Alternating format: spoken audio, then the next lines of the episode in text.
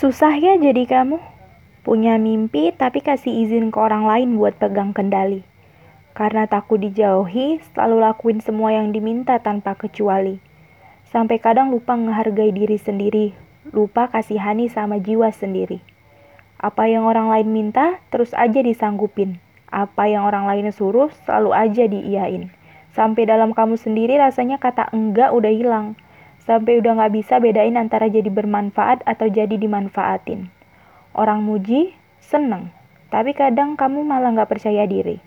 Orang ngehina langsung nggak makan, nggak minum, nggak tidur dengan cukup berhari-hari.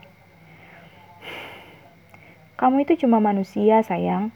Gak bisa ngehandle pikiran dan perasaan semua orang. Kamu harus bisa terima kalau kamu terbatas, yang juga harus naruh diri sendiri di list paling pertama prioritas.